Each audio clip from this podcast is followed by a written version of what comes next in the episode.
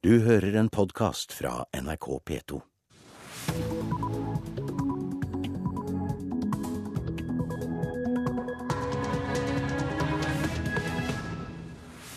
Klokken den er 6.30. Velkommen til Nyhetsmorgen torsdag 18. april, hvor vi har disse hovedsakene.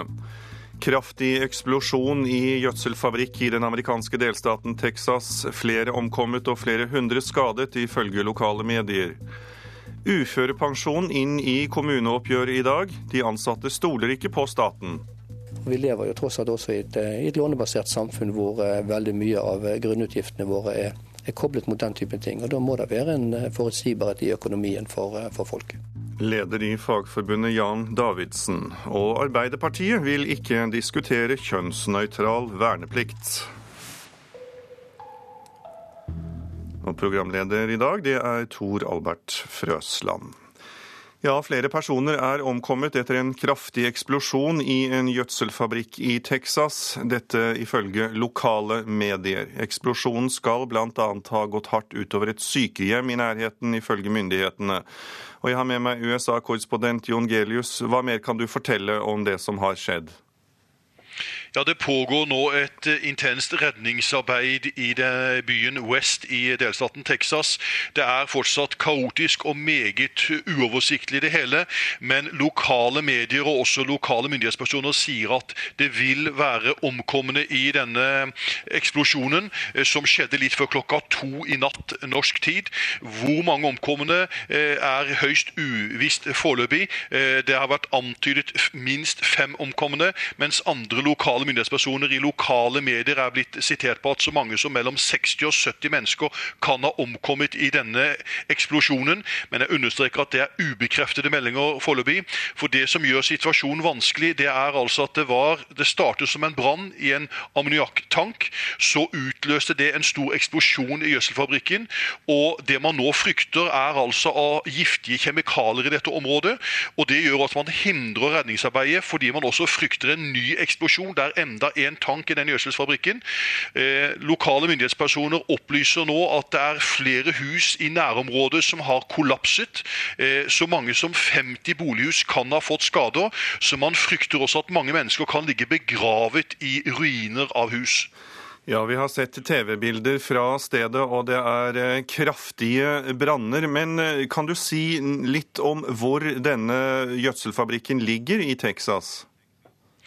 Ja, Den ligger i en by som heter Vest, en eh, mindre by eh, vest i Texas. Ca. Eh, drøye to timers kjøring fra storbyen Dallas.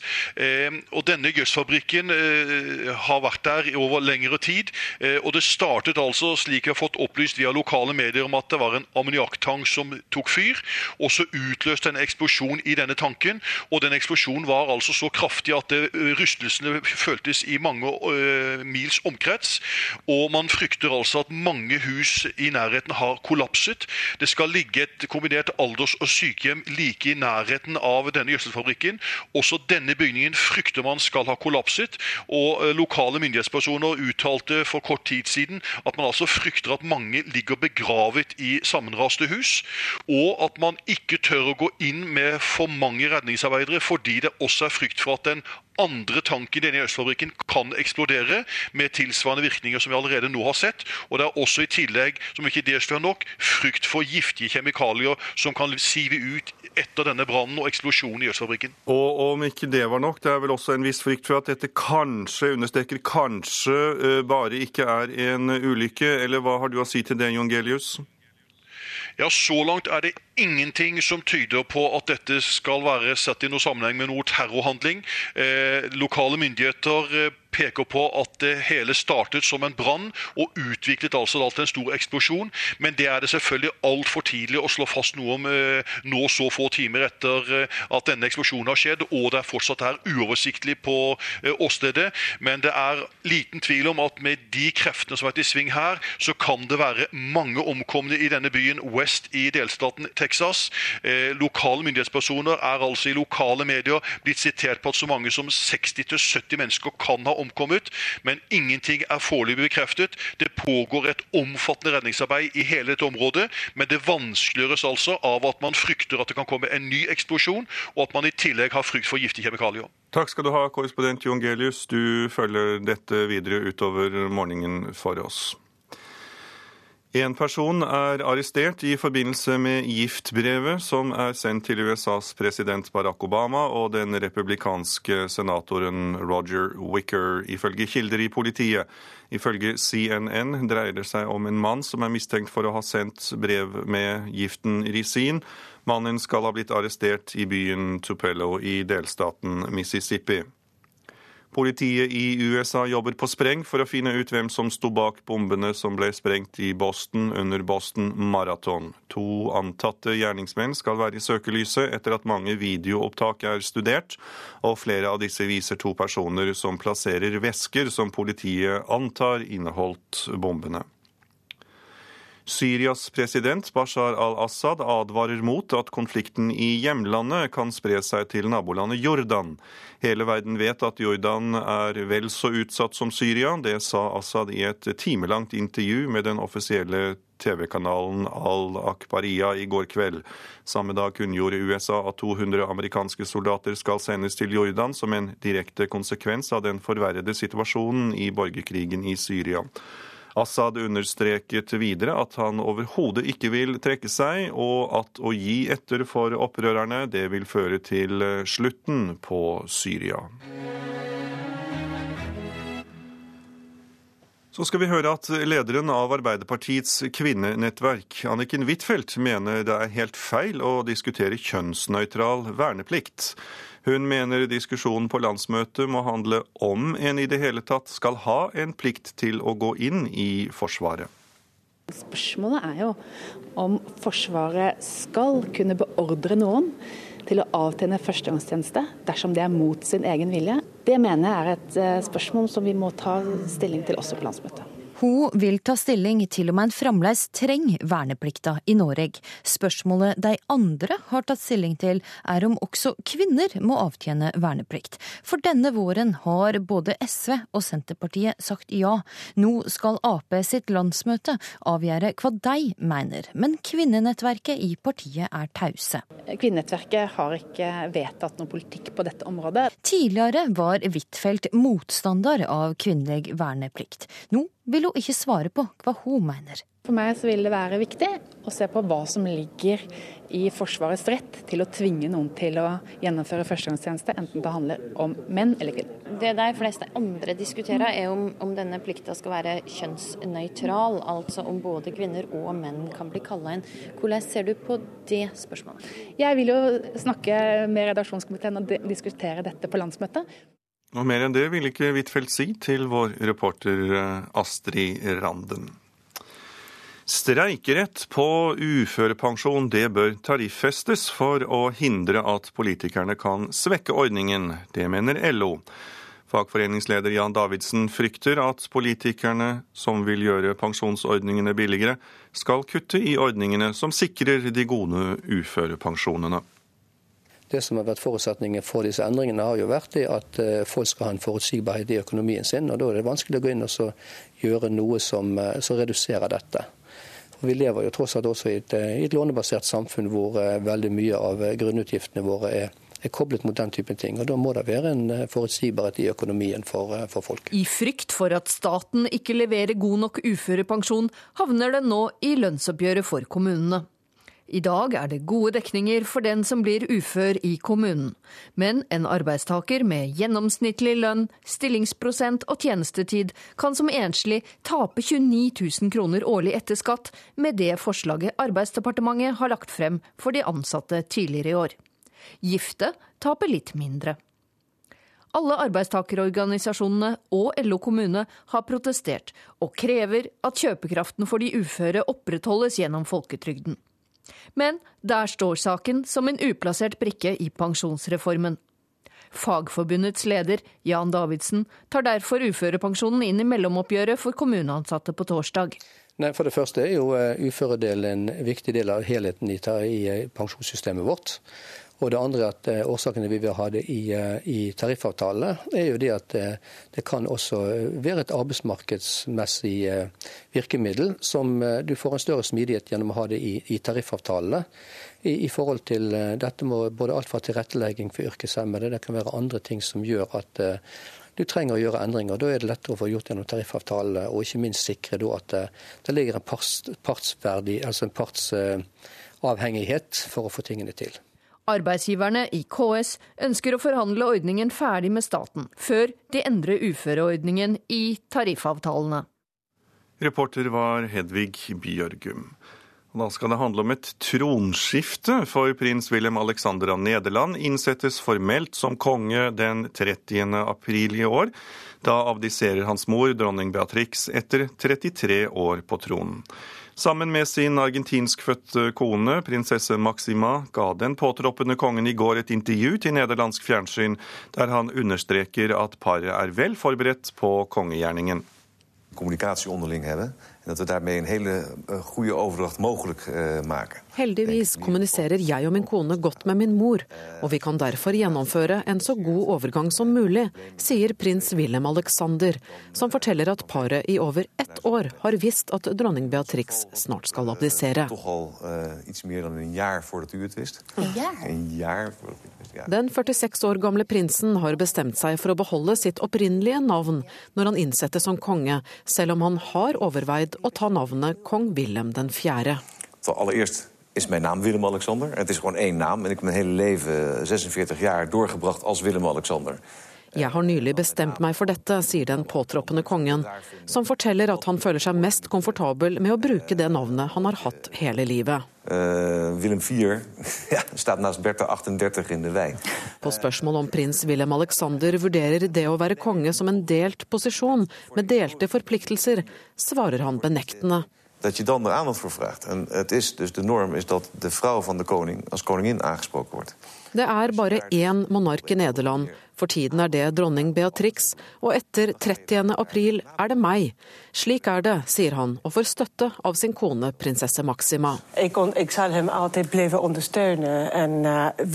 jeg alltid als jeg kommer alltid til å støtte ham, og av og til, når kongen har andre forpliktelser, kan jeg representere ham, men aldri ta hans plass, sier Nederlands kommende dronning. Hem vertegenwoordigen ergens, maar nooit zijn plaats nemen. Reporter her, det var Kristine Næss Larsen. Og I Nederland er det tradisjon for at statsoverhodet abdiserer og overlater makten til neste generasjon. Men det som er overraskende, er at dronningen velger å abdisere allerede nå etter 33 års tjeneste. Årsaken er altså da ikke kjent. Men jeg har fått besøk av kollega Kristi Marie Skrede. Kan du fortelle oss litt om hvem som er den nye kongen av Nederland? Eh, han er 46 år. Han er utdanna flyger fra det nederlandske forsvaret. Eh, han var lenge kjent blant, i folket som den kanskje litt lite skoleflinke, vekkskjemte, veldig sportsinteresserte partyprinsen. Men eh, etter at han gifte seg med Maxima i 2002, så, så snudde dette her. Han engasjerte seg i FN sitt arbeid for vannressursene i, i verden. Fikk tre døtre og representerte landet mer, sånn som en, en, kommende konge skal. Så da blir det sagt at han har fått større respekt og, og blir nå omtalt som jovial og populær. Ja, Du nevner altså hans kone prinsesse Maxima. Hun er betydelig mer populær i folket, til tross for en vanskelig start. Kan du si litt om den? Ja, det var veldig vanskelig før de to fikk, fikk gifte seg. Maxima er fra eh, Argentina, og hun er datter av eh, landbruksministeren i juntaregjeringa på 70-tallet. Det var så vanskelig for den nederlandske regjeringa at de gikk inn og granska familieforholdene. Maxima Sorgieta, eh, som hun hette den gangen, eh, hennes eh, foreldre får ikke komme til Nederland i noen offisielle sammenhenger. Det ble konklusjonen av den granskinga som selve statsministeren i, i landet signerte. Så, så, når hun blir dronning nå 30. april, så er ikke familien til stede. Hm. Ok, Hvilke endringer kan vi så vente oss med den nye kongen? Han sa jo i går at han vil følge tradisjonene. Eh, det at han beholder navnet sitt kan kanskje tyde på at han vil modernisere disse stive formene noe. Det, det, vil jo det, det vil en se når han kommer i gang. Det som er helt sikkert, er at Nederland får en ny nasjonaldag. I dag er 30. april nasjonaldag, for det er dronningdagen. Eh, det blir flytta til 27. april, fordi at da har kongen bursdag. Og eh, han, har allerede bestemt at det skal være kongedagen 27. april. Og så blir de Europas yngste kongepar, og med dem er vel et generasjonsskifte i gang i europeiske kongehus? Ja, en kan eh, godt si det sånn, for eh, altså, i dag er jo fyrst Albert av Monaco den, den, yngste. 55 år er han. Eh, etter 30. april så blir 46 år gamle kong Wilhelm Alexander den yngste. Alle de andre har jo nådd pensjonsalder og har regjert lenge. Men det er jo ingenting som tyder på at flere vil abdisere enn en dronninga i Nederland. Takk skal du ha, medarbeider Kristi Marie Skrede. Da skal vi og da skal vi ta en titt på det som eh, står på forsidene i dagens aviser. Vi flyr Ryanair som aldri før, skriver Dagsavisen. Billettsalget i Norge er gått opp 12% den siste uken, til tross for bråk og oppfordring til boikott av flyselskapet. Forfatteren Amal Aden mener politikerne må føre tilsyn med koranskolene for å forhindre at ekstremister utnytter barn. Det skriver Vårt Land. Nasjonen presenterer hele listen over nye steder der du må betale bompenger. Til sammen 50 nye veiprosjekter skal delfinansieres med bompenger. Aftenposten forteller oss at Malta er blitt Europas eh, hovedstad for nettgambling. Norske gründere har tjent seg søkkrike på pengespillene.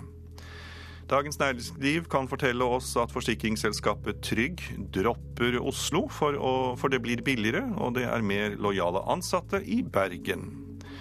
Dagbladet kan fortelle oss at politiet slår Bieber-alarm, fordi politiet mener sikkerhetsopplegget rundt Justin Bieber ikke holder mål, fordi politiet ikke får den informasjonen de trenger. VG forteller historien om dødssyke Mikkel på 13 som kjemper mot Nav, fordi Nav nekter å gi gutten pleiepenger når han går på skolen. Velgerne er blitt mer venstrevridde, skriver Klassekampen. Selv om velgerne flokker seg om Erna og Siv, er de blitt langt mer skeptiske til skattekutt og privatisering. Ansatte må på kjørekurs, skriver Bergensavisen.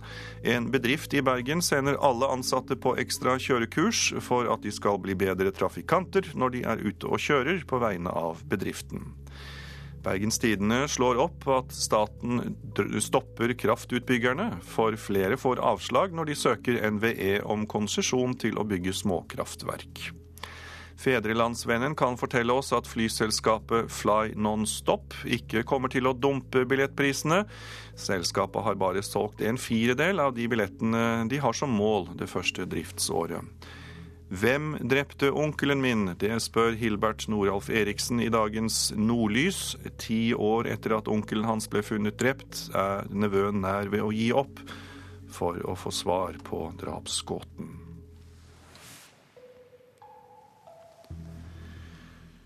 Så sport. De fleste eliteserielagene bruker første runde i cupen kun som oppkjøring til helgens eliteserierunde. Haugesund testet ut flere unge spillere og slet mot tredjedivisjonslaget Brodd, til trener Jostein Grindhaugs store fortvilelse.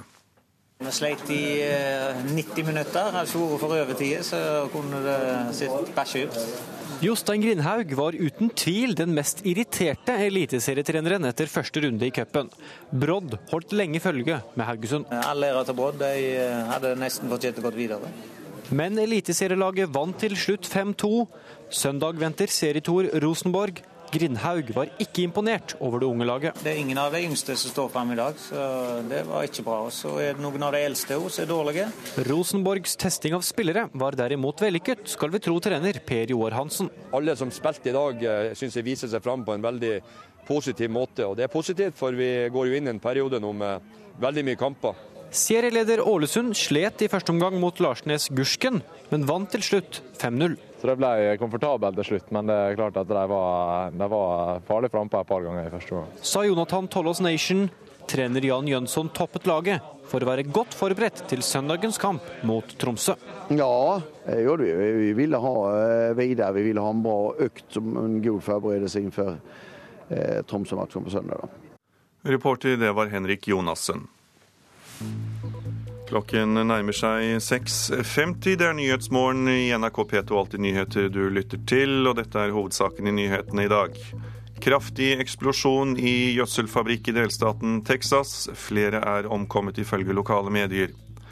Eksamensresultater i matematikk ned for tredje år på rad. NITO er bekymret for konsekvensene. Og nå er det trendy å sy om gamle klær. Unge designere lager ny kolleksjon ved å titte i folks klesskap. NITO, Norges teknologi- og ingeniørorganisasjon, er bekymret over utviklingen i matematikkferdighetene til norske skoleelever. Tre år på rad har gjennomsnittskarakteren på eksamen i matematikk sunket. I fjor var snittet 2,1 for de som valgte den enkleste matematikken i første klasse, og 2,9 for de med teoretisk matte. Annenklassinger ved Bodø videregående innrømmer at de har mer å gå på. Altså, jeg var altfor lat, rett og slett. Jobba ikke nok med faget. Du må ha repetisjon hele tida. Jeg tror at elever generelt kanskje er litt late, men samtidig så er det en veldig høy overgang på mattenivået fra ungdomsskolen til videregående. Så jeg tror det blir eh, litt utfordrende. Håkon Skau Ingebrigtsen og Ingvild Marie Gullvik har valgt den vanskeligste matematikken på videregående. For å få de karakterene de ønsker, så har de erfart at de må jobbe mye hardere enn det de gjorde på ungdomsskolen. Men nå har jeg kommet meg opp, da. Jobba mer hjemme. Og Tall fra Utdanningsdirektoratet viser at eksamensresultatene i matematikk er gått ned tre år på rad. Presidenten i NITO, Trond Markussen, liker ikke utviklinga. Vi er jo bekymra når vi ser på de mulige konsekvensene dette kan ha. Vi mangler over 9000 ingeniører nå, og mye av samfunnet vårt er jo avhengig av eh, ingeniørkompetanse. Og da står matematikk sentralt. Det er jo bare å trekke den parallellen akkurat nå når vi alle sitter og skal fylle ut selvangivelsen matematikk, tallforståelse, er litt viktig da for oss alle. Utdanningsdirektoratet har ikke funnet noe som tilsier at eksamen i fjor var spesielt vanskelig, og sier at oppgavene er laga ut ifra målene i læreplanen. Selv om ikke matematikk er yndlingsfaget til Gullvik, så liker hun det. Matte er ikke egentlig mitt sterkeste fag, men jeg syns det er interessant, for det er mye variasjon i det faget. Og det er nyttige ting vi lærer som vi faktisk kan bruke, mer enn det vi lærer i andre fag. da. Det sa Ingvild Marte Gullvik og reporter eh, Geir Elise Martinsen. Før var det å reparere klær en dyd av nødvendighet. I dag er det blitt mote. Designkollektivet Haik har i vinter lett i skapene til folk som tar vare på og syr om klær, i stedet for stadig å kjøpe nytt. Dermed kan ideene til 77 år gamle Svanehild Bergem Hagen ende opp på catwalken i Paris. Det er litt flaut å åpne skapdørene. Ja, det var, Den er fin å se på, syns jeg. Den du hadde på deg sist. Oh, ja. Med sånne biser. Svanhild Bergem Hagen har noe motvillig åpnet de rikholdige klesskapene sine for Ida Falk Øyen fra designkollektivet Haik. En topp, ja. Det, jeg tror det er et gardinstoff. Men så var denne sydd på den tida da skuldrene var breie vet du, og puter i. Så måtte jeg ta vekk putene, og så har jeg sydd noen biser over skuldrene for å få han til å bli nett og passelig nå. Men hva er biser for noe? Ja, Det er når du legger liksom stoffet dobbelt og syr en stikning så du får Fold, på en måte. En fold, ja. Det er noe som vi har brukt litt videre nå i det som vi ser på til kolleksjonen for sommer 2014 for oss. Den kreative 77-åringen fra Stavanger er en av ti hobbysyre i Rogaland som har fått besøk av de tre designerne i haik i vinter. I tillegg har mange som liker å reparere klær, fylt ut et spørreskjema, forteller Falk Øyen. Vi forsker jo i det dette året her. Skal vi sette av til å se på reparasjoner og det å ta vare på klær. For nå er det trendy å lage sine egne klær. I Stavanger sto 300 i kø da en hobbybutikk-gigant åpnet dørene nylig. Regionavisa har fått egen håndarbeidsblogg, og det meldes om strikkeboom over hele landet. I min generasjon er vi jo opplært til det. Det var en dyd av nødvendighet da vi hadde små barn. Først så er den skjorten her i utgangspunktet en bluse som var sydd i, på fabrikken som vi jobber med i Estland. Og så eh, har vi sydd den inn, da. Og dette er jo inspirert av den måten som Svanhild også jobber på. Det var kjempefint. Så her ser du jo biser, Ja. ikke sant? Som vi bare har jobbet litt videre med. Før sommeren skal kolleksjonen være ferdig, sier Falk Øyen, og dermed kan teknikkene til Svanhild Bergem Hagen havne på catwalken i Paris. Det er jo helt utrolig. Jeg hadde jo aldri trodd at jeg skulle oppleve noe sånt. Eh, Vi vil jo gjerne selge klær også, men vi er også veldig opptatt av eh, dette med klær som bærer av historier og kultur og ja, med andre typer mening. Da. Likte du tingene? Ja, og jeg kan gå hjem og prøve å herme. Og reporter som hadde tatt en titt på gamle klær, det var Anette Johansen Espeland. De fleste har nok fått med seg at eh, Justin Bieber synger for 60 000 mennesker på tre konserter. Men du visste kanskje ikke at vår egen operastjerne Kirsten Flagstad sang for hele 250 000 tilhørere på én konsert. I år er det 100 år siden operastjernen Kirsten Flagstad debuterte ved Nationaltheatret i Oslo. I dag starter feiringen av Flagstad-året 2013, bl.a. ved Nasjonalbiblioteket. Jeg var sparkelig så jeg skal bare det skal på folie her. Nasjonalbiblioteket i Oslo. Plakaten som skal opp her. Siste finpuss på en stor utstilling om en stor kunstner.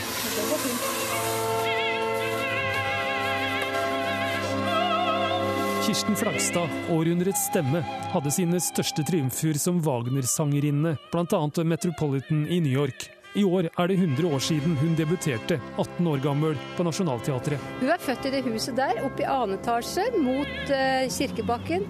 Der sto senga hans Maja, så der ble hun født. Det var her Kirsten Flagstad ble født, i Hamar, i 1895.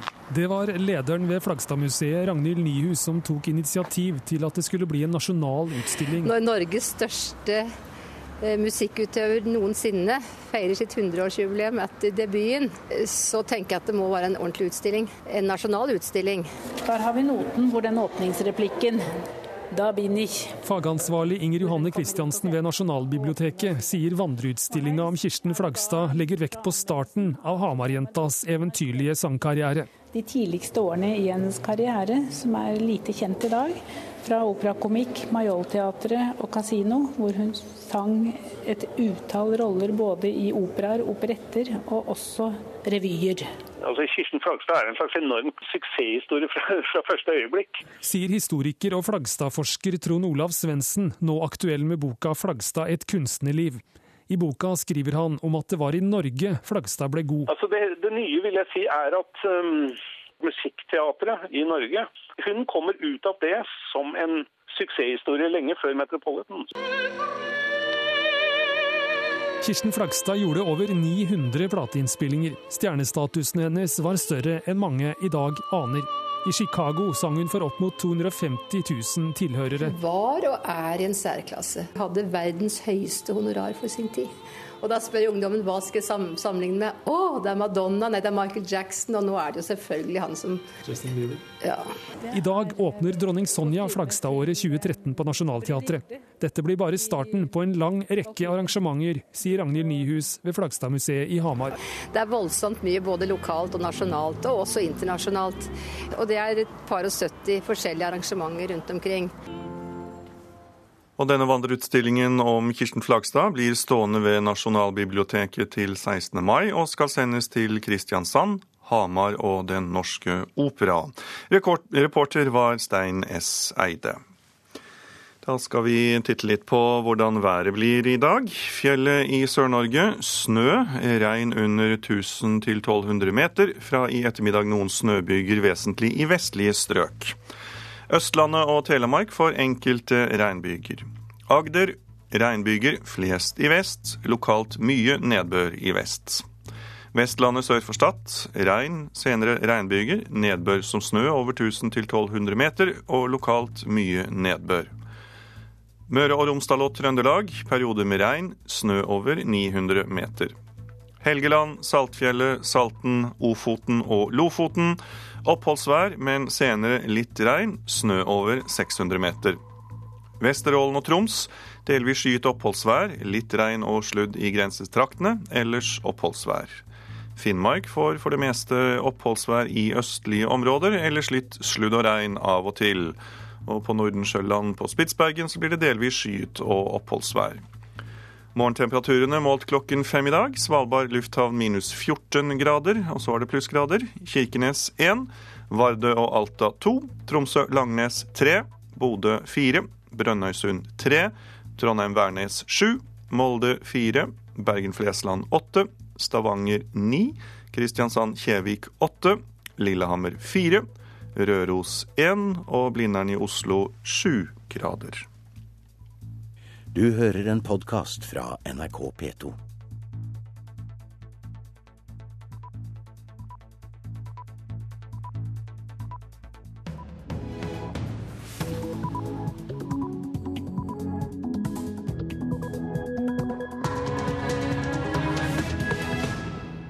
Klokken er sju. Du lytter til Nyhetsmorgen med Tor Albert Frasland i studio, og her er en nyhetsoppdatering.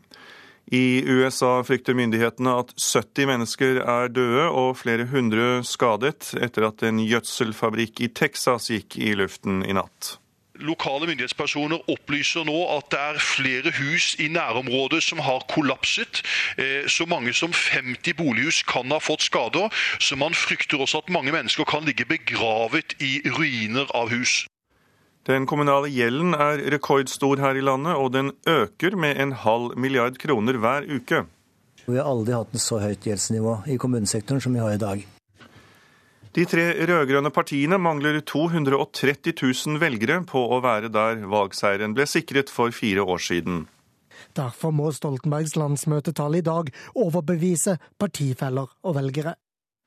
Politiet i Boston leter etter to menn som kan stå bak bombeaksjonen mot Boston Marathon. Politiet skal foreløpig ikke vite navnene på disse, men prøver altså nå gjennom de mange videoopptakene som er, å prøve å finne ut hvem disse to kan være. Og følg oss mot slutten av denne halvtimen, så skal du få høre at hvis du trener fra du er 40 år, kan du utsette demenssymptomer med flere år. To er bekreftet omkommet, men myndighetene frykter at flere titalls mennesker er omkommet etter en eksplosjon ved en gjødselfabrikk i delstaten Texas. Det mener en lokal TV-stasjon. Flere hundre skal være skadet etter eksplosjonen som skjedde i går kveld klokken 20 lokal tid. Han fanger en brann i en gjødselfabrikk på kamera. Familiefaren står parkert på et jorde i småbyen West utenfor Waco i Texas like før det smeller.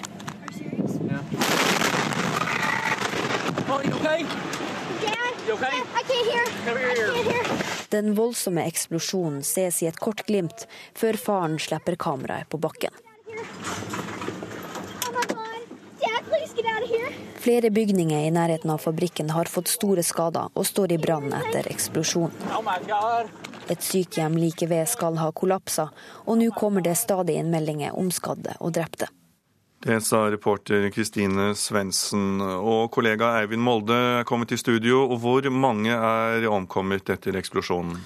Lokale styresmakter opplyser til en eh, TV-stasjon i byen at det skal være mellom 60 og 70 eh, omkomne. Men disse tallene er ikke offisielt stadfesta. Men alt tyder på altså at det er flere titalls omkomne, og flere hundre skal eh, være skadde. Det er også flere brannmenn blant de som er skadde. Trolig er det også fremdeles flere folk som er innesperra i denne sykehjemmen som vi hørte om. Vi har jo sett TV-bilder med voldsom brann og røykutvikling. Hva var det som utløste denne enorme eksplosjonen? Ja, det, det svaret har vi ikke ennå. Dette blir selvsagt etterforska for fullt, men vi vet ennå ikke årsaka til eksplosjonen. USA har jo vært rammet av det som antas å være en terrorhandling i Boston. Er det grunn til å, å, å tro at også dette kan være en terrorhandling? Ut ifra de opplysningene som vi har per nå, så er det ingenting som tyder på det. Takk skal du ha, kollega Eivind Molde. Da skal vi høre at mens oljekronene renner inn i statskassen, er situasjonen i Kommune-Norge en helt annen. Kommunene har nå en gjeld på over 350 milliarder kroner, og gjeldsbyrden vokser stadig. Det siste året har kommunegjelden økt med mer enn en halv milliard kroner per uke. I Stjørdal kommune i Nord-Trøndelag har politikerne tatt opp lån for å bygge nytt kulturhus.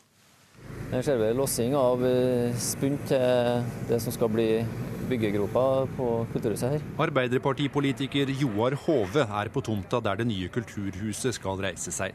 Spunt, lange metallbjelker, skal snart ned i bakken. Så her blir det dunk, dunk, dunk nå i en måneds tid framover. Bygget til mer enn 700 millioner må delvis lånefinansieres. og Derfor er HV skeptisk til prosjektet. En renteøkning vil få konsekvenser. Enda lavere lærertetthet, innskrenking i barnehager, eh, mindre pleiefaktor osv. Situasjonen i Stjørdal er ikke unik. Kommuner over hele landet tar opp store lån. Til skoler, omsorgssentre og gangveier.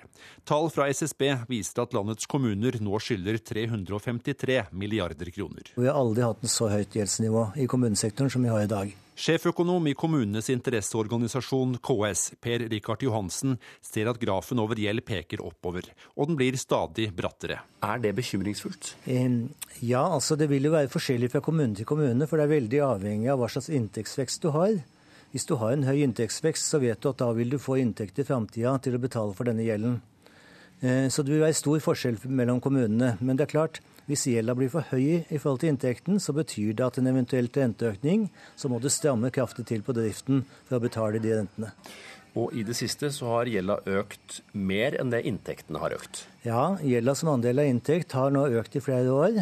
Og, og, veksttakten ligger slik an at det kommer til å fortsette også fremover. Men den utviklingen er ikke levedyktig, ifølge økonomiprofessor og ekspert på kommuneøkonomi Lars Erik Borge. Gjelda i kommunesektoren har økt fra rundt 15% av inntektene i 2006 til nærmere 45% ved utgangen av 2012. Og det er klart at denne utviklingen kan ikke fortsette. For smertegrensa er snart nådd? Ja, si, hvis det fortsetter sånn som den har gjort, så vil man jo eh, gjelda kanskje komme opp i en eh, 75% av inntektene i løpet av ganske kort tid. Og da vil jo enkeltkommuner ha veldig høy gjeld, så, så høyt at det eh, kan være vanskelig å håndtere. Og reportere her, det var Kaja Kristin Næss og Fredrik Lauritzen. Økonomikommentator Steinar Medios, velkommen. Hva skyldes denne drastiske økningen? Ja, det skyldes vel at uh, mesteparten av den norske velferden er den velferden som norske kommuner produserer. Og når staten f.eks. gjør et eh, eller Stortinget gjør et vedtak om eh, barnehagedekning i Norge, så betyr det at eh, kommunene må gjennomføre tiltaket. Og da må de låne penger for å bygge barnehage, f.eks. Selv om de får også ofte støtte av staten til dette, så øker gjelden gjennom et slikt vedtak. Men den aller største grunnen til at kommunene tar opp mye gjeld nå, er at vi har en betydelig arbeidsinnvandring. Vi har aldri hatt så stor arbeidsinnvandring til Norge. Ja, hva kan det, altså, Hvorfor det? Jeg vil jo tro at arbeidsinnvandring genererer uh, velferd? Det er, eh, det er, på mange måter en av de mytene som har fått leve lenge i Norge. Det er at innvandringen til Norge lønner seg. Den kan lønne seg for den enkelte bedrift, den kan til og med lønne seg for den enkelte huseier eller hageeier, for å si det slik. Men den lønner seg ikke for den norske stat. For de som kommer inn til Norge, de har med seg lavere lønninger enn det som er snittet i Norge, og da betaler de også mindre skatt enn den jevne nordmann. Så den skatteøkningen som arbeidsinnvandringen i Norge medfører, dekker ikke opp for den velferden de samme arbeidsinnvandrerne har krav på. Sånn sett så koster de mye mer enn de smaker. Eh, de regnestykker som kloke hoder har sett på, de sier at de må så å si jobbe i fem år for at det regnestykket skal begynne å komme i balanse. Er det noen fare her for innbyggerne i de kommunene dette er snakk om? Ja, det, er, eh, det ble nevnt her i reportasjen at gjeldsøkningen i norske kommuner for noen av dem kan bli faretruende høy. Og skal vi også si at forskjellene i norske kommuner kommer nok til å øke for det. Fordi det er noen kommuner som er veldig solide kommuner, ikke minst f.eks. kraftkommunene. Det er vel nærmere 180 av dem i Norge. Men eh, så er det også slik at de som har mye penger, slipper å låne penger, mens de som allerede er eh, ute og kjører økonomisk, må ta opp enda mer gjeld. Sånn sett så er kommuner akkurat som folk flest.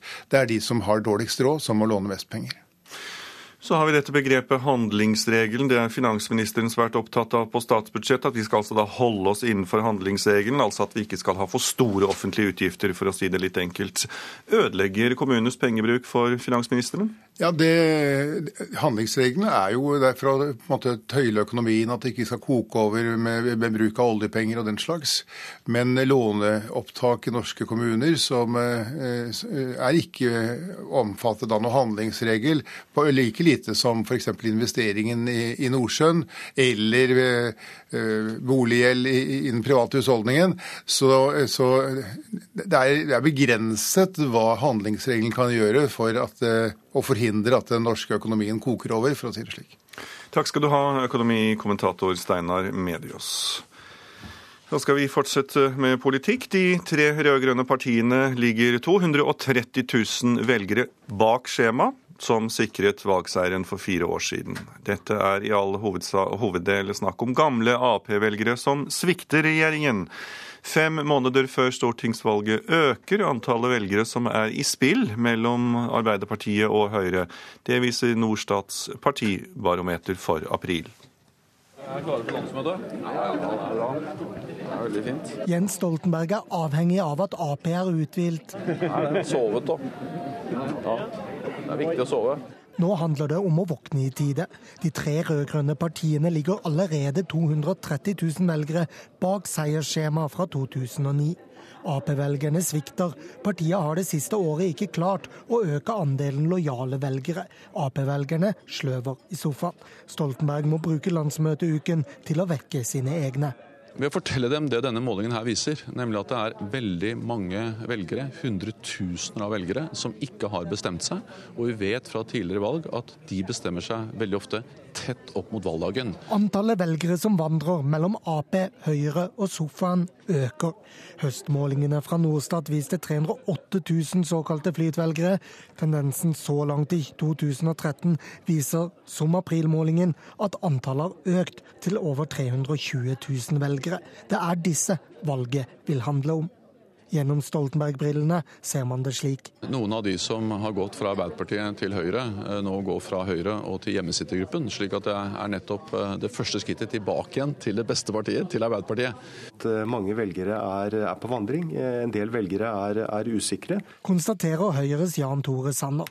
Tross nedgang for partiet kan han smile. Meningsmålingen viser at Høyre fortsatt er størst, og det er et betydelig borgerlig flertall. Så det er åpenbart at eh, velgerne ønsker et skifte. Kun 62% av Ap-velgerne i 2009 støtter nå partiet. Derfor må Stoltenbergs landsmøtetall i dag overbevise partifeller og velgere. Ved å fortelle dem om våre saker, ved å inspirere dem i forhold til arbeid, kunnskap, helse og omsorg det er de viktigste sakene for Arbeiderpartiet. Det er de viktigste sakene Norge står overfor som nasjon.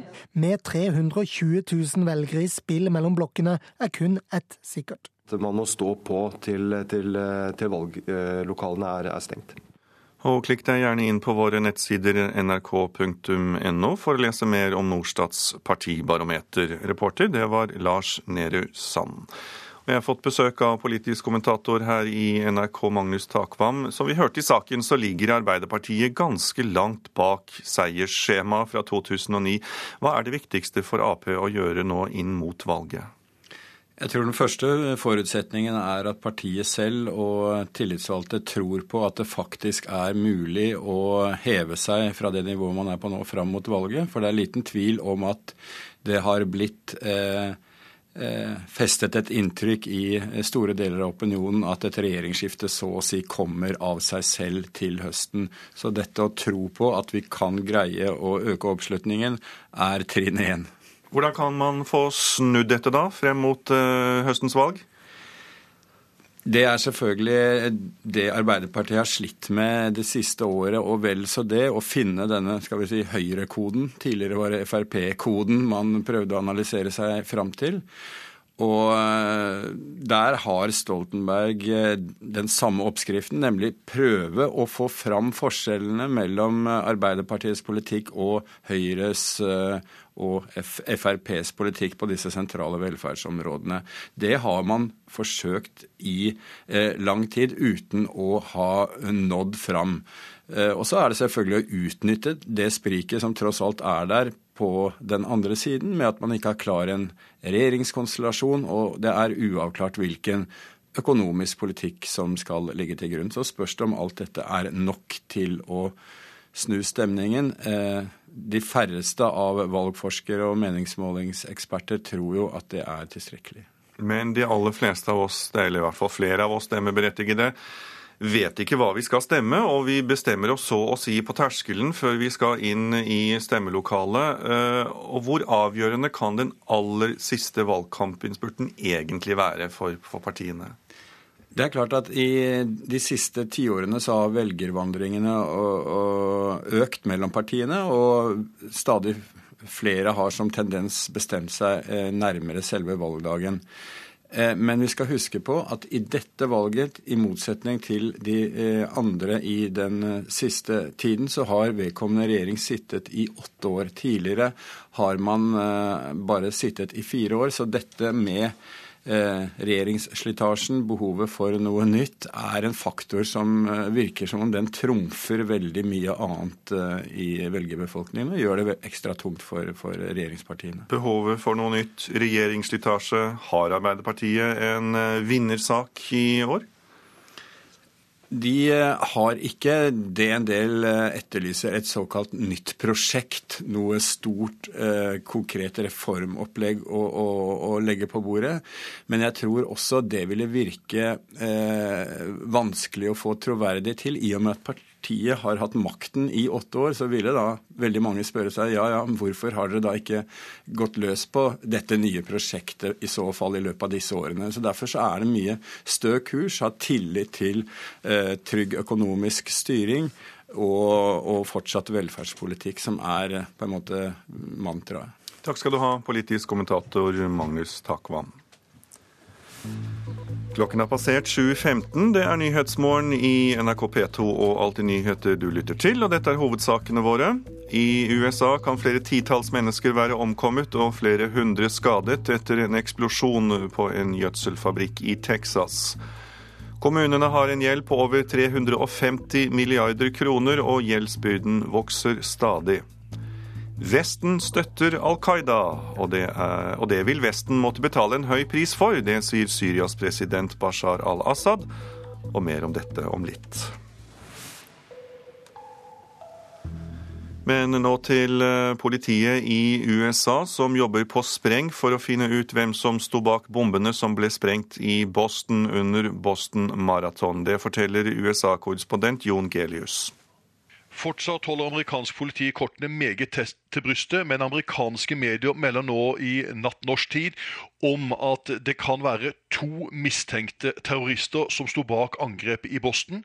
Eh, vi vet fra i går at eh, politiet hadde klart å fange inn én eh, mann på et av overvåkningskameraene vis-à-vis et av disse stedene hvor det eksploderte en bombe. Men de siste opplysningene i flere amerikanske medier går ut på at det kan være to antatte gjerningsmenn, og politiet skal foreløpig ikke vite navnene på disse, men prøver altså nå gjennom de mange videoopptakene som er, å prøve å finne ut hvem disse to kan være. Eh, den ene beskrivelsen her også, at på en av videoene så skal det være en mann som har en hvit baseball-lue som er eh, med, med, en slags caps som er eh, bak fram, og han skal ha på seg også en lys hettegenser og en sort jakke. Den andre mannen blir beskrevet som at han bar da på en sort bag av din type bag bager som han snakket om, som disse trykkokerne kan ha vært plassert i. Så det er altså to antatte gjerningsmenn politiet tydeligvis nå jobber etter for å få identifisert. Og presidenten Barack Obama skal til Boston i dag for minnemarkering. Hvordan blir sikkerhetsopplegget? Det er ingen tvil om at det blir et meget høyt sikkerhetsnivå og sterk tilstedeværelse av politi og føderale myndigheter under minnemarkeringen senere i dag i Boston, når presidenten ankommer dit. Ikke minst ble sikkerhetsnivået hevet i går etter at det ble kjent at et giftbrev var sendt til Obama og Det hvite hus. Nå ble det riktignok stoppet på veien, slik at det førte til at også sikkerhetsopplegget ble endret i forhold til akkurat den begivenheten. Ja, for i Washington ble deler av Kongressen stengt i går etter at en mistenkelig gjenstand ble funnet der, og i tillegg dette brevet som du nevner som var adressert til Barack Obama. Dette inneholdt altså et mistenkelig stoff. Ser politiet noen sammenheng mellom dette og bombene i Boston? Nei, så langt sier det føderale politiet FBI at det ikke er noen sammenheng mellom terrorangrepet i Boston og disse to brevene med, med, med, med giftstoffet risin i.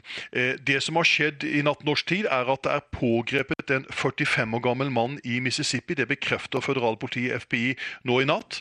Eh, og at denne mannen skal mistenkt, være mistenkt for da både å sende dette brevet til president Obama samt til en republikansk senator fra hans eh, hjemdelstat i Mississippi.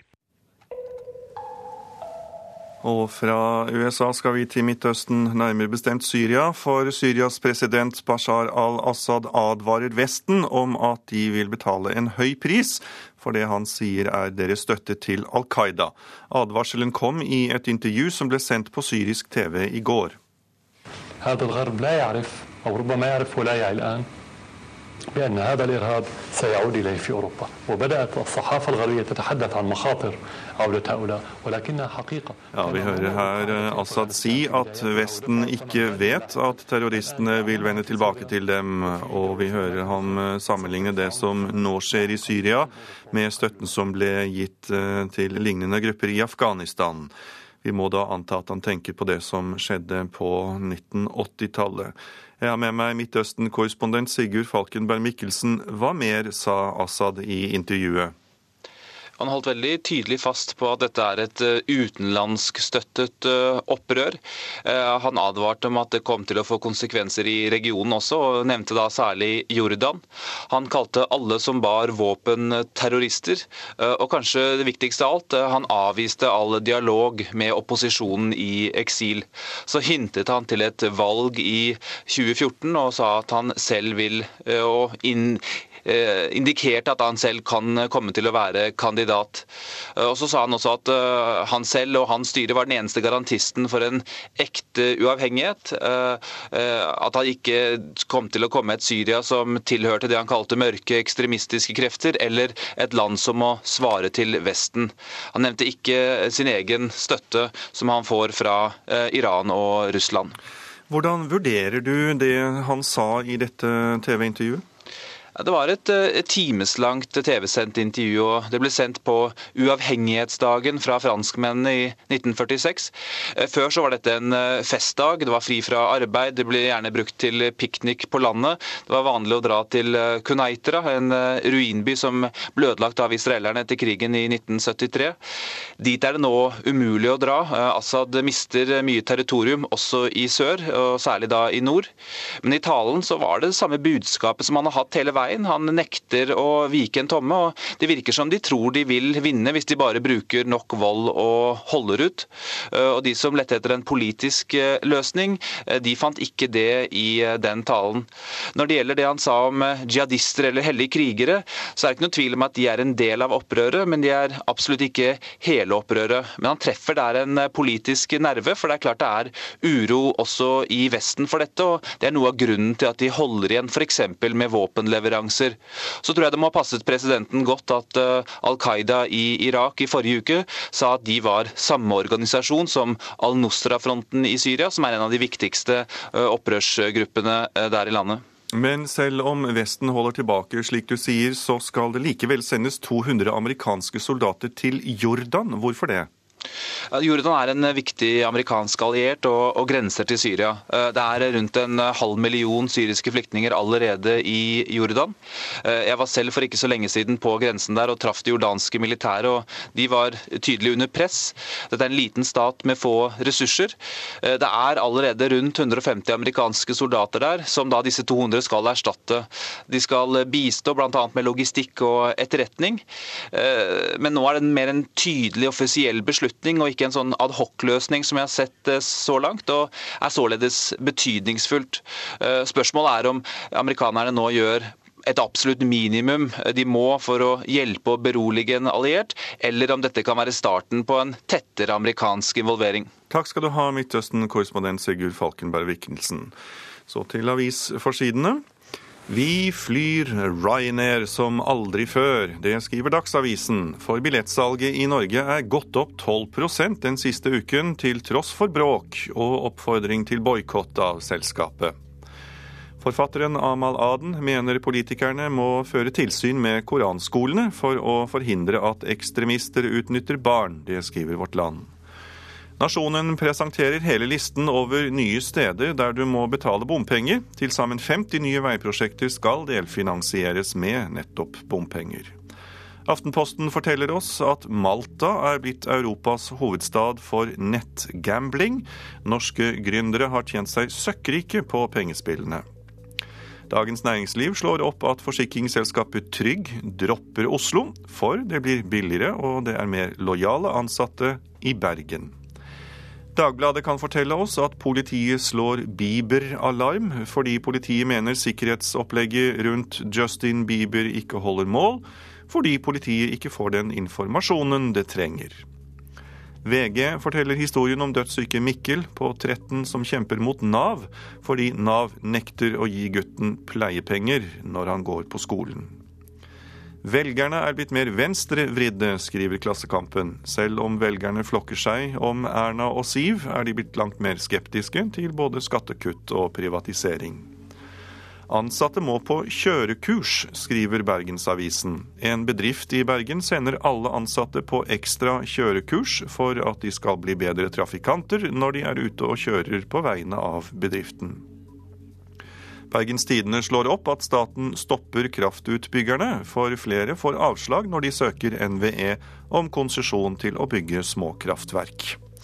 Fedrelandsvennen kan fortelle oss at flyselskapet Fly Nonstop ikke kommer til å dumpe billettprisene. Selskapet har bare solgt en firedel av billettene de har som mål det første driftsåret. Hvem drepte onkelen min? Det spør Hilbert Noralf Eriksen i dagens Nordlys. Ti år etter at onkelen hans ble funnet drept, er nevøen nær ved å gi opp og få svar på drapsgåten. Nå skal vi høre at trening fra du er 40 år kan utsette demenssymptomer med flere år. Det sier postdoktor Tor Atle Rossnes ved Universitetet i Oslo, avdeling helse og samfunn. Forskning viser at de som er litt fysisk aktive fra de er midt i livet, kan ha hodet med seg lenger ut i livet. Nei, altså for meg er jo det toppen av lykke å trene. Det er mange gode grunner til at 36 år gamle Karete Olsen jogger på tredemølla på Stamina Hot i Tønsberg. Det er en kjempefin måte å takle stress på. og Jeg har en hektisk hverdag. Jeg, har, jeg går på skole og har fire barn. Så da trenger jeg å trene for å få litt energi. Enda en god grunn kommer hennes vei, for forskning viser at hvis du trener én time tre ganger i uka før du er 40 år, kan du utsette symptomene på en demenssykdom med flere år. Ja, Det er jo helt topp. Tor Atle Rosnes er postdoktor ved Universitetet i Oslo, avdeling helse og samfunn. F.eks. hvis man har da tre timer per uke med fysisk aktivitet, så har man nesten halvert risikoen i forhold til noen som ikke har disse tre timene i uka med regelmessig fysisk aktivitet. Han viser til en studie med 9000 mennesker, der man så på hvor gamle de var da demenssykdommen inntraff. En gruppe hadde levet et stillesittende liv, og den andre gruppen hadde trent. Det viste seg at de aktive menneskene halverte risikoen for å utvikle symptomer på demens før de var 70, sammenlignet med de som var stillesittende. Jeg tror det er veldig viktig at man ikke bekymrer seg for å få demens, eh, men at man tenker på at hvis man kan gjøre litt regelmessig eh, fysisk aktivitet, så er det et veldig viktig steg for å kunne utsette en debut. Bare begynn å gå. Marsjerer, vanlig gangvarm. Inne i sal 1 på treningssenteret i Tønsberg er Camilla Helena Hole i gang med oppvarminga i timen Stamina senior. Det sier seg jo sjøl, vi vil gjerne holde oss i form, ikke sant?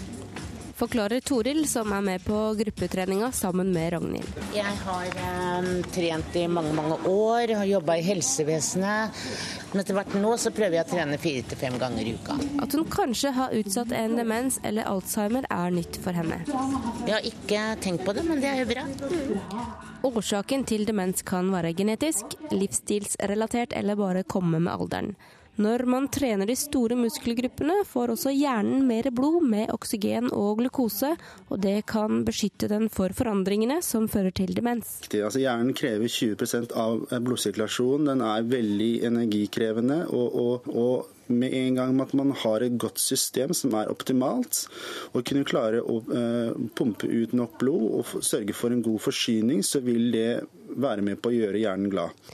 Så å gå, sykle, svømme eller gjøre hagearbeid jevnlig fra du er 40 år, er viktig for deg, mener han. De som da trener mye, mer enn f.eks. Eh, tre timer i uka, de har ikke noe større beskyttende effekt enn de som trener bare tre timer i uka. Så det er de som trener enten tre timer eller mer, som har da en beskyttende effekt i forhold til de som ikke trener. Og Hvis man klarer å f.eks. å utsette debuten av Alzheimer med fem år, så er det noen som har regnet på at da vil forekomsten, altså alle de som har eh, Alzheimer, nesten halveres. Man må tenke i det perspektivet der, for da, da har man så mye å vinne på som samfunn. Det går som sagt i 1-6 minutter, så har vi lykkepause etterpå. Kan jeg spørre hvor gammel du er? da? Jeg er 67. Og du? 67. Jeg er bare barn. Reporter her, det var Helena Rønning. Det er Nyhetsmorgen i NRK P2 du lytter til. Anders Borgen Werring har kommet i studio for å gi deg de siste nyhetene. Flere mennesker fryktes omkommet etter at en gjødselfabrikk i Texas eksploderte. Den kommunale gjelda løper løpsk. For hver uke som går, øker den med en halv milliard kroner. Og de rød-grønne mangler 230 000 velgere hvis de skal beholde regjeringsmakta, viser en ny meningsmåling.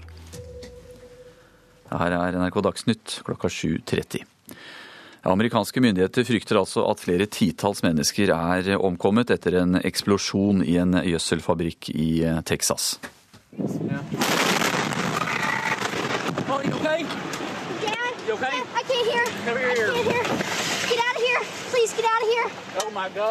Gjødselfabrikken eksploderte altså i natt norsk tid. Og USA-korrespondent Jon Gelius, hva vet vi nå om omfanget av denne eksplosjonen? Ja, nå fire og en halv time etter den kraftige eksplosjonen i byen West i Texas, er det fortsatt uoversiktlig og kaos som råder i dette området. Det Myndighetene sier at minst to redningsarbeidere er bekreftet omkommet, men lokale medier melder om at så mange som over 60 mennesker kan ha omkommet i den eksplosjonen. Det snakkes om at kanskje over 100 mennesker i tillegg kan ha vært såret og skadet i denne omfattende eksplosjonen som altså skjedde i en gjødselsfabrikk i natt norsk tid. Mellom 60 og 80 hus i nærheten av denne gjødselfabrikken har fått skader. Flere hus skal ha kollapset, og i mange av husene skal også mennesker nå ligget fanget i ruinene. Ja, er det grunn til å tro at dette også dreier seg om en terrorhandling? Nei, så langt har lokale myndigheter påpasselig med å si at det hele startet som en brann, som da utviklet seg til en eksplosjon i denne gjødselfabrikken, den ene tanken. Frykten er nå at den andre tanken i fabrikken også skal eksplodere, og det hindrer redningsarbeidet, fordi man altså frykter en ny eksplosjon. Og som om ikke det skulle være nok, så er det også frykt for at giftige kjemikalier fra denne gjødselfabrikken er i ferd med å sive ut fra området, slik at man altså har problemer med å komme inn til bl.a. de husene som har kollapset. Det er også et kombinert alders- og sykehjem i nærheten. Denne bygningen skal også kollapses, slik at det er frykt for at veldig mange mennesker ligger i ruinene fanget og ikke kan bli hjulpet. Takk skal du ha, USA-korrespondent Jon Gelius. To antatte gjerningsmenn skal være i søkelyset etter terrorangrepet mot maratonløpet i Boston. Politiet har studert en mengde videoopptak, og flere av disse viser to personer som plasserer vesker som man tror inneholdt bombene.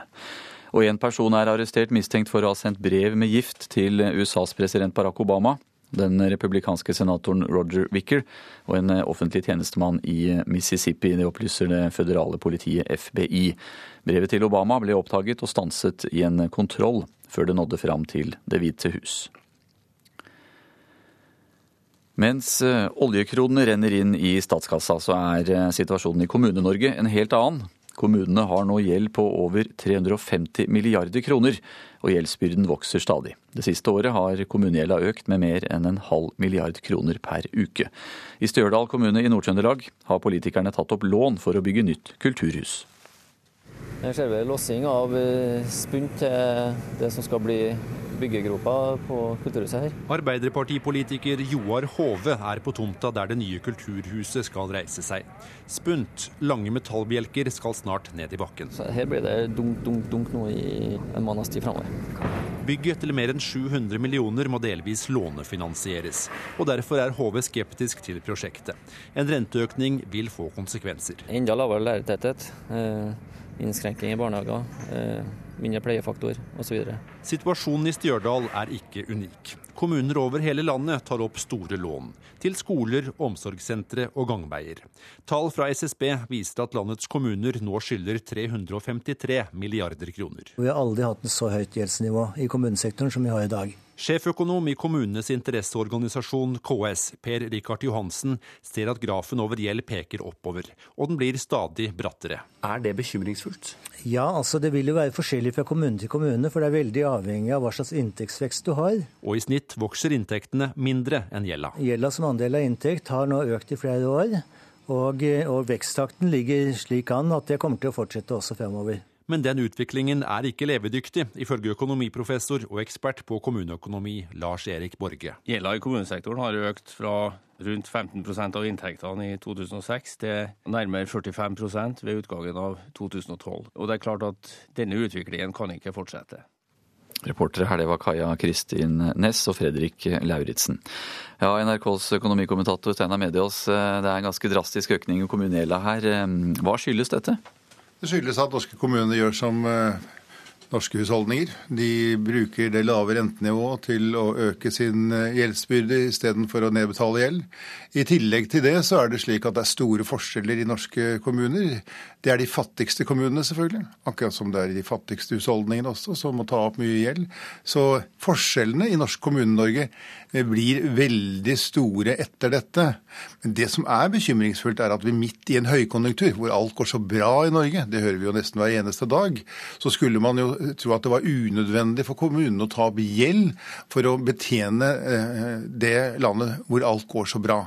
Men dette skyldes at vi har nå både pålegg fra det offentlige, som f.eks. et barnehageløfte, men også at vi har en innvandring som koster mer enn det smaker. Takk skal du ha, Steinar Mediås. Streikerett på uførepensjon bør tariffestes for å hindre at politikerne kan svekke ordningen. Det mener LO, som fremmer dette kravet ved årets lønnsoppgjør. Vi vil forsikre oss mot nedgang i inntekt for den som blir ufør, sier Fagforbundets leder Jan Davidsen. Kostnadene på det, det må jo også liksom ses i sammenheng med, med folketrygden og nivået der. Og det som har vært forutsetningen for disse endringene, har jo vært at folk skal ha en forutsigbarhet i økonomien sin. og Da er det vanskelig å gå inn og gjøre noe som, som reduserer dette. Og vi lever jo tross alt også i et, i et lånebasert samfunn hvor veldig mye av grunnutgiftene våre er, er, koblet mot den typen ting. og Da må det være en forutsigbarhet i økonomien for, for folk. De rød-grønne partiene ligger 230 000 velgere bak skjema, som sikret valgseier for fire år siden. Og dette er i all hovedsak snakk om Arbeiderpartivelgere som svikter regjeringen. Fem måneder før stortingsvalget øker antallet velgere som vandrer mellom Arbeiderpartiet og Høyre. Det viser Norstats partibarometer for april. Er klare for landsmøtet? Ja, det er er veldig fint. Jens Stoltenberg er avhengig av at Ap er uthvilt. Det er sovet, da. Ja, det er viktig å sove. Nå handler det om å våkne i tide. De tre rød-grønne partiene ligger allerede 230 000 velgere bak seiersskjemaet fra 2009. Ap-velgerne svikter. Partiet har det siste året ikke klart å øke andelen lojale velgere. Ap-velgerne sløver i sofaen. Stoltenberg må bruke landsmøteuken til å vekke sine egne. Ved å fortelle dem det denne målingen her viser, nemlig at det er veldig mange velgere, hundretusener av velgere, som ikke har bestemt seg.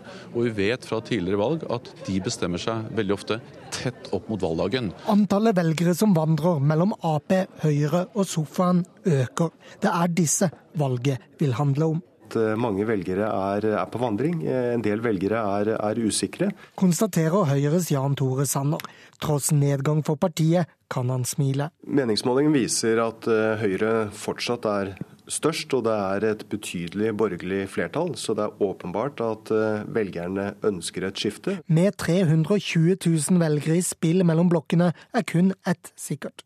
Man må stå på til, til, til valglokalene er, er stengt. Å lese mer kan du gjøre om Norstats partibarometer på nrk.no. Reporter her, det var Lars Nehru Sand. De fleste eliteserielagene brukte første runde i cupen eh, kun som oppkjøring til helgens eliteserierunde. Haugesund testet ut flere unge spillere og slet mot tredjedivisjonslaget Brodd. De trener Jostein Grindhaugs store fortvilelse. Vi sleit i 90 eh, minutter. altså vært for overtid, så kunne det sett bæsje ut. Jostein Grindhaug var uten tvil den mest irriterte eliteserietreneren etter første runde i cupen. Haugesund vant til slutt 5-2 over Brodd, men Grindhaug var ikke fornøyd med det unge laget, som møter serieto Rosenborg søndag. Det er ingen av de yngste som står frem i dag, så det var ikke bra. Så er det noen av de eldste som er dårlige. Rosenborgs testing av spillere var derimot vellykket, skal vi tro trener Per Joar Hansen. Alle som spilte i dag, eh, syns jeg viser seg fram på en veldig positiv måte. Og det er positivt, for vi går jo inn i en periode nå med veldig mye kamper. Serieleder Ålesund vant 5-0 over Larsnes Gursken med toppet lag. Trener Jan Jønsson ville være godt forberedt før søndagens kamp mot Tromsø. Ja, det gjorde vi. Vi ville ha eh, videre. Vi ville ha en bra økt som en god forberedelse innenfor eh, Tromsø-matchen på søndag. Ja, Det sa Ålesund-trener Jan Jønsson. Reporter her, det var Henrik eh, Jonassen. Sven Gullvåg har ansvaret for Dagsnytt denne morgenen. Det er Beate Haugtrø som er teknisk ansvarlig. Jeg heter Anders Borgen Werring.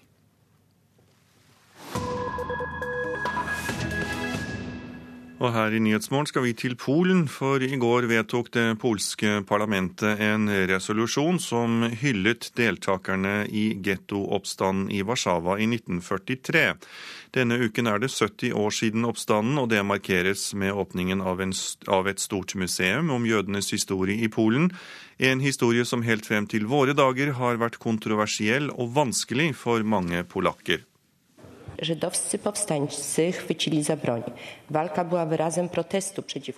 forbindelse med 70-årsjubileet for oppstanden i gettoen vil vi vise vår ære og respekt for de heltene som med sitt mot og offer har gjort seg fortjent til respekt og beundring for generasjonene som har kommet etter dem. Med disse ordene ønsket Eva Kopacz, president i det polske parlamentet, på vegne av de polske folkevalgte å vise at Polen som nasjon når fullt fullt og helt forstår betydningen av opprøret i Warszawas jødegetto våren 1943. En hendelse som fremdeles får fram gysninger hos mange av oss 70 år etter at det skjedde.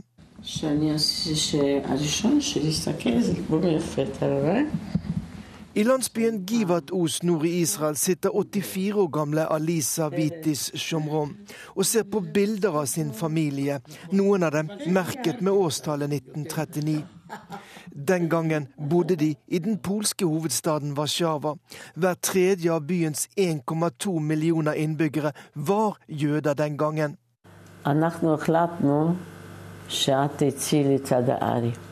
Men bare et år senere var byens jødiske kvarter forvandlet til en lukket getto av de tyske okkupantene, som 1.9.1939 angrep Polen.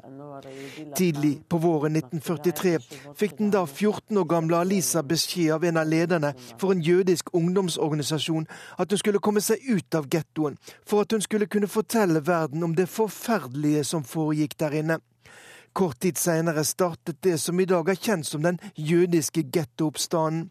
I vel tre uker holdt en liten gruppe jødiske motstandskjempere ut mot de overlegne tyske styrkene.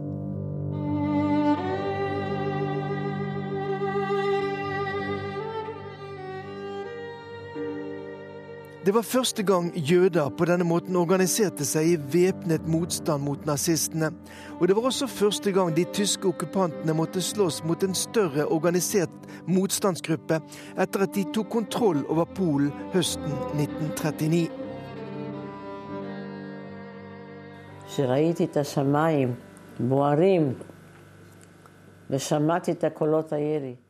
Jeg så at himmelen over gettoen ble lyst opp av branner, og hørte samtidig skyting derfra, forteller Alisa Vitis Sjomrom om det som skjedde da oppstanden i Warszawa-gettoen startet i midten av april 1943.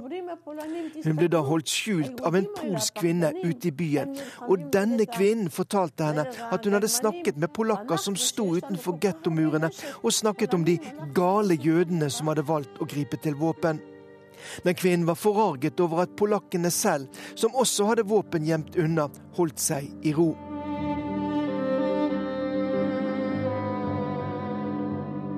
Forholdet mellom jøder og polakker i Polen har ofte vært vanskelig. Selv nå, 70 år etter at millioner av polske jøder ble drept av nazistene, sier nesten hver annen ungdom i Warszawa i en undersøkelse som er offentliggjort denne uken, at de ikke ønsker en jøde som nabo. Men samtidig åpnes endelig et stort museum i den polske hovedstaden om de polske jødenes historie. Og landets myndigheter har, bl.a. gjennom gårsdagens resolusjon vedtatt i parlamentet, vist at de ønsker å løfte fram jødenes betydning for Polen. Reporter det var Morten Jentoft, og musikken vi hørte var Nygun av Ernest Bloch, spilt av Marianne Thorsen og Jørgen Larsen. Følgende overskrifter i Nyhetsmorgen nå. Det har eksplodert på en gjødselfabrikk i Texas, og flere mennesker er døde og skadet. Den kommunale gjelden løper løpsk. For hver uke som går, øker den med en halv milliard kroner. Og antallet velgere som vandrer mellom Arbeiderpartiet og Høyre øker, men, viser meningsmåling. Og Da er det klart for Politisk kvarter, og i dag starter altså Arbeiderpartiet landsmøte med dårlige meningsmålinger i ryggen, programleder Bjørn Bø. For dårlig, men de rød-grønne kan vinne valget, hevder Jens Stoltenberg.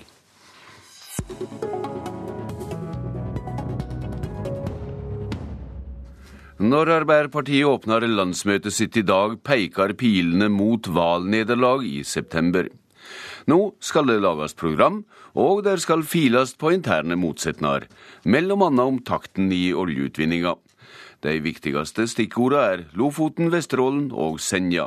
Partiledelsen vil ha konsekvensutgreiing, men får motstand.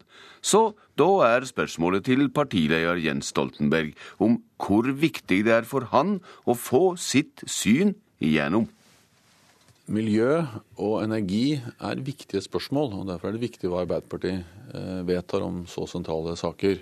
Men det jeg har vært opptatt av, det er at vi skal gå videre på det er som er en forsiktig, skrittvis, kunnskapsbasert tilnærming.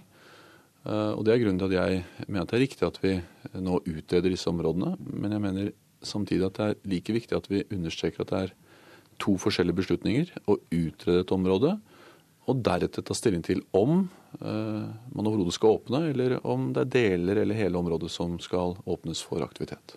Sier du alt nå at du kan eh, være med på et kompromiss der en eh, overlater til et senere landsmøte selve åpninga? Jeg kommer ikke nå, eh, når landsmøtet samles, til å begynne å debattere i mediene hva som er gode løsninger. Men jeg er glad for at det åpenbart er mange som ønsker å se om det går an å finne balanserte løsninger.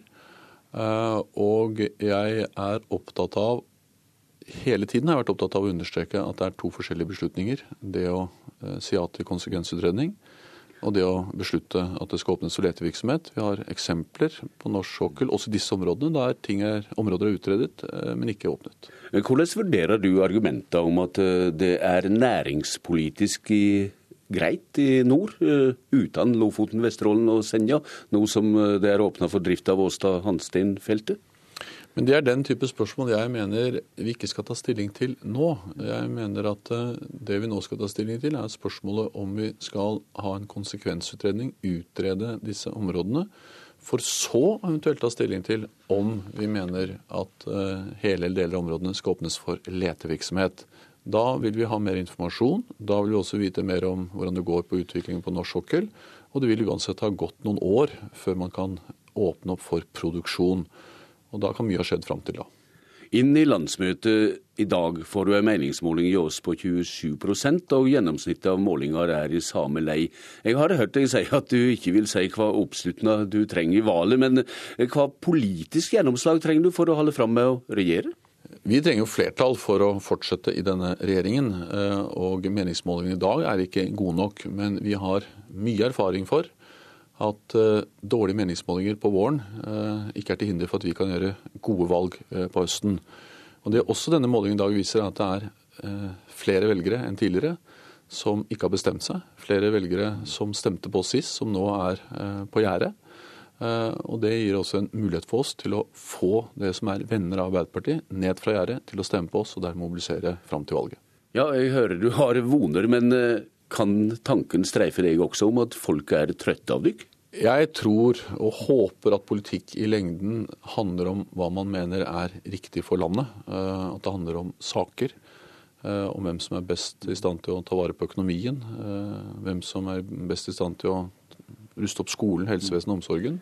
At de, det er de sakene valgkampen kommer til å handle om. Men eh, du ser at eh, i Sverige så butter det også imot for regjeringspartiene. Riktignok så er de borgerlige. Eh, I hva grad ser du en slags demokratisk naturlov her? Vel, altså Demokrati er jo at velgerne bestemmer hvem som skal regjere. Og jeg har respekt for velgere, enten de er enige med meg eller uenige med meg. Og det vi vet, er at velgere skifter oftere parti nå enn før. Mange velgere venter helt til de siste dagene og ukene med å bestemme seg. Eh, det gjør det litt mer anstrengende å være eh, politiker, partileder, fordi det er mye større usikkerhet. Men det er jo grunnleggende sett et uttrykk for demokratiet, og det gir også store muligheter, eh, selv om målingene er dårlige, at man kan mobilisere helt inn mot selve valgdagen. Men også du observerer selvsagt at nesten alle slags vitenskapsfolk og kommentatorer ellers sier at det ser dårlig ut for at det kan holde på flertallet gjennom et valg til.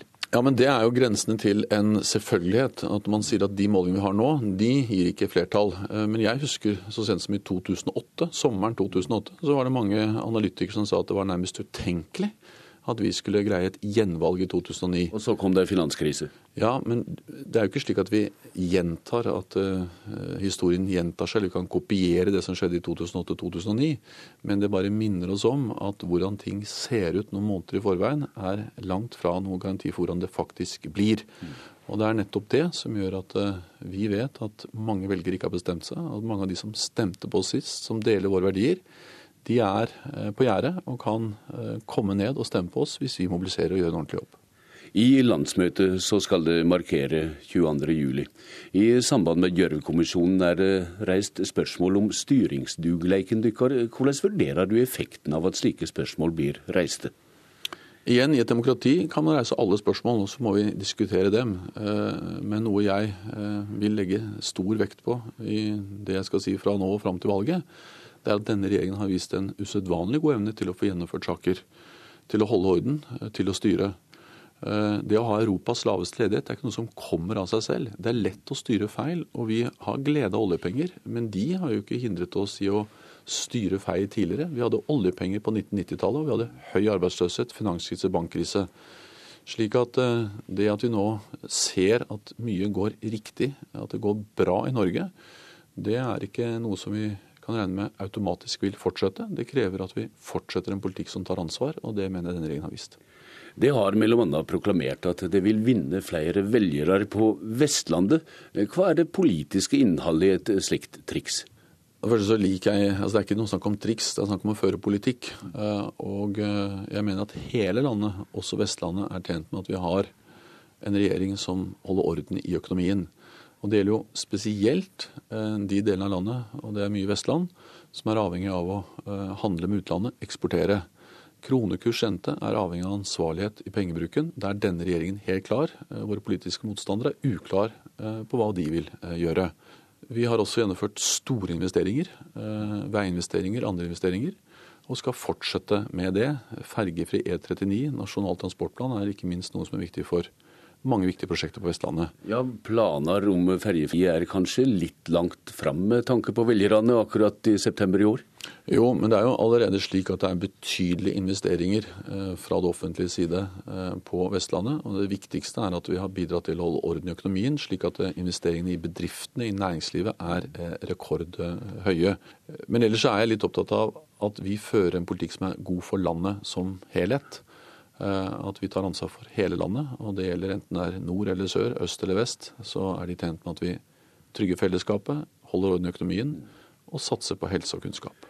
Eh, alle vil velgerne vel, og det er jo stanselig uro likevel i og rundt helsevesenet. Hvor tyngende er det inn i valgkampen, slik du ser det, Jens Stoltenberg? Det vil alltid være strid eh, rundt helse, fordi helse handler om veldig alvorlige ting. Det handler om alvorlig sykdom, det handler om død, det handler om uh, lidelse. Uh, og selv om norsk helsevesen uh, gjør veldig mye bra, så vil det jevnlig komme opp eksempler på ting som ikke fungerer. Og Da er vår oppgave å få fram at nettopp fordi noen ting ikke fungerer, så må vi fortsette den politikken som når vi ser på helheten faktisk gir gode resultater. Det er ikke mange år siden det var slik at vi lå midt på treet blant verdens rike land når det gjaldt overlevelse av hjerteinfarkt, kreft. Mm. Nå ligger vi helt i toppen. Bl.a. fordi vi har satset på helse, og fordi vi har gjennomført en del endringer i helsevesenet som nå begynner å gi resultater. Men det kommer kritikk både fra fagfolk og fra til og med regjeringspartnerne dine om selve styringssystemet. Er det noe å hente her, etter ditt syn? Ethvert system, også norske helsevesenet, kan forbedres. Og Jonas Gahr Støre er i gang med uh, viktige forbedringer der. Men det grunnleggende målet på om vi lykkes med helsevesenet, er jo om folk blir friske, om de får god behandling. Og flere får behandling, og kvaliteten er bedre. Og Det ser vi når vi sammenligner eh, overlevelse i Norge med andre land, og vi ser det når vi sammenligner eh, overlevelse i dag med hvordan det var i Norge tidligere. Det er det viktigste målet, og der går ting i riktig retning. Men det er fortsatt åpenbart rom for å gjøre ting enda bedre. Du var indirekte inne på det, at eh, du ser en fare for at eh, konkurrerende politiske krefter på høyresida da eh, kan gjøre det vanskeligere å styre den økonomiske politikken her i landet. Men det, det virker ikke som det så langt greier å skremme velgerne med høyresidas løsninger på ulike politikkfelt. Må det skifte strategi? Vi skal først og fremst legge fram våre saker om arbeid, om kunnskap om helse og omsorg. Men en del av valgkampen handler også om at man diskuterer forskjellene, skillelinjene alternativene. Og eh, jeg kommer til å fortsette å etterlyse at Høyre og Fremskrittspartiet, som nå er klare på at de vil sitte i regjering, eh, må klargjøre hva som er selve grunnmuren i den økonomiske politikken, den totale pengebruken. For det er avgjørende for rente, for kronekurs, for bedrifter over hele landet. Jeg diskuterer gjerne hva vi skal bruke penger på. Vi vil heller bruke penger på skole, på omsorg, framfor skattelette. Men den totale pengebruken er også viktig, og der er det usikkerhet på borgerlig side. Og det er en usikkerhet som norske bedrifter ikke fortjener. Når partiet skal tennes til å gå ut i valgkamp, så trengs det kanskje noe som en blir glad og oppøst over. Hva er det du har tenkt deg å tenne landsmøtet med? Å fortelle dem at det er fullt mulig å vinne dette valget. Eh, og eh, det skal jeg bruke min tale på om noen timer. Og så vet jeg at landsmøtet kommer til å mobilisere det de kan fram mot valgdagen. Jens Stoltenberg der, han prøver nærmest lågmælt å skape optimisme, men hvor skal han hente de velgerne som trengs for å vinne valget? Jeg spør deg, politisk kommentator her i NRK, Trine Eilertsen. Ja, Stoltenberg har jo rett i at det er noen hundre tusen å, å, spille på her. Det er faktisk ganske mange velgere som Arbeiderpartiet kan jakte på. Rundt 200 000 av de har satt seg på gjerdet og sier at vi stemte Arbeiderpartiet forrige gang, men nå vet vi ikke. Nå ser vi det an. Og så er det en eh, rundt regnet 100 000 som sier at eh, nei, vi går til høyre. Eh, og totaltallet her det øker jo, men det er inni dette landskapet at Arbeiderpartiet skal finne de som skal løfte de opp igjen da, fra mm. målingene til valgresultat. Du må være litt mer spesifikke. Mellom andre partisekretær Raimond Johansen har, har varsla offensiv for å vinne velgere på Vestlandet. Hvorfor ser dette så langt ut ikke til å lykkes? Ja, altså Vestlandet har jo vært et sånn gnagsår egentlig for eh, den rød-grønne regjeringen ganske lenge. Det startet med en del eh, en diskusjon om en del enkeltsaker. Vi husker Hardangermastene, ubåten på Feie. Vi husket en diskusjon om en del investeringer i offentlige bygg som ikke kom. Nå handler det om mer grunnleggende ting som ikke bare angår Vestlandet, men som angår hele Norge, og ikke minst Norge utenfor det sentrale østlandsområdet. Det handler om små og mellomstore bedrifter, arbeidsplassene der. Eh, regjeringen har jo helt rett i det, at det er skapt mange nye arbeidsplasser, men mange av de som eier disse arbeidsplassene og jobber der, er opptatt av en del andre ting enn det som Arbeiderpartiet er opptatt av. Ja, Har ikke Arbeiderpartiet den tradisjonelle kjensla for hva som rører seg blant folk lenger? Altså jeg tror et parti som har sittet i regjering i, i åtte år, eh, blir opptatt av drift, blir opptatt av eh, å styre. Eh, og, og, kan ikke med troverdighet kaste seg på si, populistiske forslag og ideer som kommer. Eh, det som, det som, vi vet, er at norske velgere er ekstremt kravstore. De takker ingen regjering med å velge de på nytt. Skal de velge en regjering på nytt, så er det i forventning om hva som kommer. Nå merker vi at det er en diskusjon blant velgerne om effektivitet i offentlig sektor, byråkratisering og en del tema der som ikke er så enkle for Arbeiderpartiet å ta tak i etter lenge i regjering. Men det er mange velgere som er opptatt av det, også i Arbeiderpartiet. Ja, men da er du midt inne i det jeg helt på å si, djupe paradokset. At uh, det er uh, hovedmotstanderne Arbeiderpartiet og Høyre som sliter i de samme velgerne. Ja, det gjør de. Og de velgerne Arbeiderpartiet kjenner de godt, Høyre kjenner de godt, og de vet at dette er Eh, velgere med en viss eh, sosialdemokratisk legning. De er opptatt av fellesskap. De betaler gjerne sin skatt, eh, men de gjør det med innlevelse når de føler at de får noe igjen for det. De liker ikke sløsing, de liker ikke det de mener er unødvendig byråkratisering. De ser at noen private løsninger kan være greie å leve med. Så det er liksom vanskelig å gå inn i den gruppen og markere et voldsomt tydelig skille mellom Arbeiderpartiet og Høyre. Særlig der som Høyre har flyttet seg de siste årene. Når du sier det, hva utsikter mener du da Jens Stoltenberg har til å nå fram med skremslene om nedbrytende motstandere på høyresida? Det er krevende. Det er, for å si, Høyresiden prøvde jo det i 2005. Prøvde å advare mot den røde fare og SV og alt uh, som kom til å ramme landet da. Uh, det hadde ingen klangbunn noe sted. Uh, og jeg tror for en del velgere så er det veldig vanskelig å se for seg at Erna Solberg skal gå ta helt av økonomisk og i sine budsjetter. Hun har aldri gjort det før og signaliserer ikke noe i den retning nå. Hadde Frp vært det største partiet i denne konstellasjonen, så tror jeg det hadde vært eh, et argument som hadde, eh, som hadde nådd frem hos mange flere velgere. Men det du sier, her er det store utfordringer for dette partiet som samles til landsmøte i dag? Ja. Takk til deg, Trine Eilertsen, politisk kommentator her i NRK. Politisk kvarter er slutt. Jeg heter Bjørn Bø. Du har hørt en podkast fra NRK P2.